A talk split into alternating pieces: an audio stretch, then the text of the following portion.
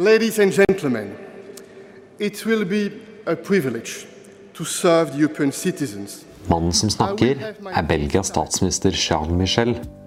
Michel er i klippet i ferd med å fratre sin stilling som statsminister for å ta fatt på en ny, prestisjetung jobb, nemlig som president i Det europeiske råd. I denne miniepisoden av EU-delegasjonen vil jeg svare på spørsmålet hva er Det europeiske råd? Kort oppsummert så er Det europeiske råd et av EUs styringsorgan. I Det europeiske råd møter EUs stats- og regjeringssjefer hverandre minst to ganger i halvåret for å stake ut EUs politiske kurs. De diskuterer hva EU skal fokusere på, og hvordan de skal løse spesielt vanskelige utfordringer.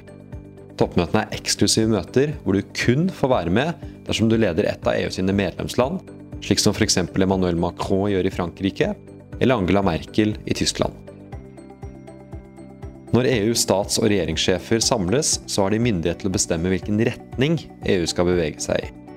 EUs store satsinger som det grønne skiftet og den digitale overgangen må f.eks. ha støtte i Det europeiske råd for at de skal kunne gjennomføres. Men stats- og regjeringssjefene har også myndighet til å fatte beslutninger som er spesielt sensitive og betydningsfulle, noe som er spesielt viktig under kriser. Det var f.eks. under møter i Det europeiske råd at lederne diskuterte hovedpunktene for hvordan EU skulle håndtere brexit. En annen krise som viser rollen til Det europeiske råd, har vært covid-19-pandemien.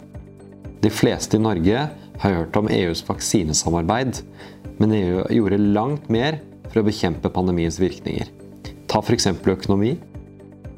Covid-19-pandemien førte til store problemer for flere europeiske økonomier, og ta som disse landene kunne brukt flere år på å ta igjen.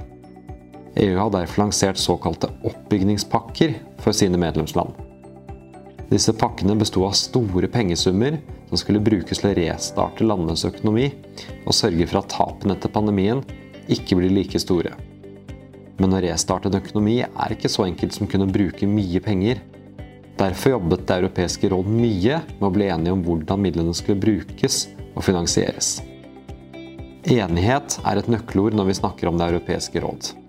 Det er fordi at når medlemmene skal vedta noe, så må alle være enige. Uavhengig av om du er statsminister til EUs minste medlemsland Malta, eller om du er kansler til det største Tyskland, kan altså ingenting vedtas mot din vilje. Slik er det for at ingen av landene skal kunne bestemme over andre, og for at man skal kunne diskutere selv når det er utfordrende. Noen ganger resulterer det i maratonmøter, hvor lederne diskuterer i over 24 timer for å bli enige. Men det skjer ikke ofte. Møtene ledes av presidenten for Det europeiske råd, så det er hans jobb å prøve å oppnå enighet. Du husker ham kanskje fra innledningen? Belgiske Jean Michel. Han ble utpekt som ny leder av Det europeiske råd i desember 2019. Etter det sitter han i rollen i to og et halvt år, før han har mulighet til å bli gjenvalgt én gang, eller så byttes han ut.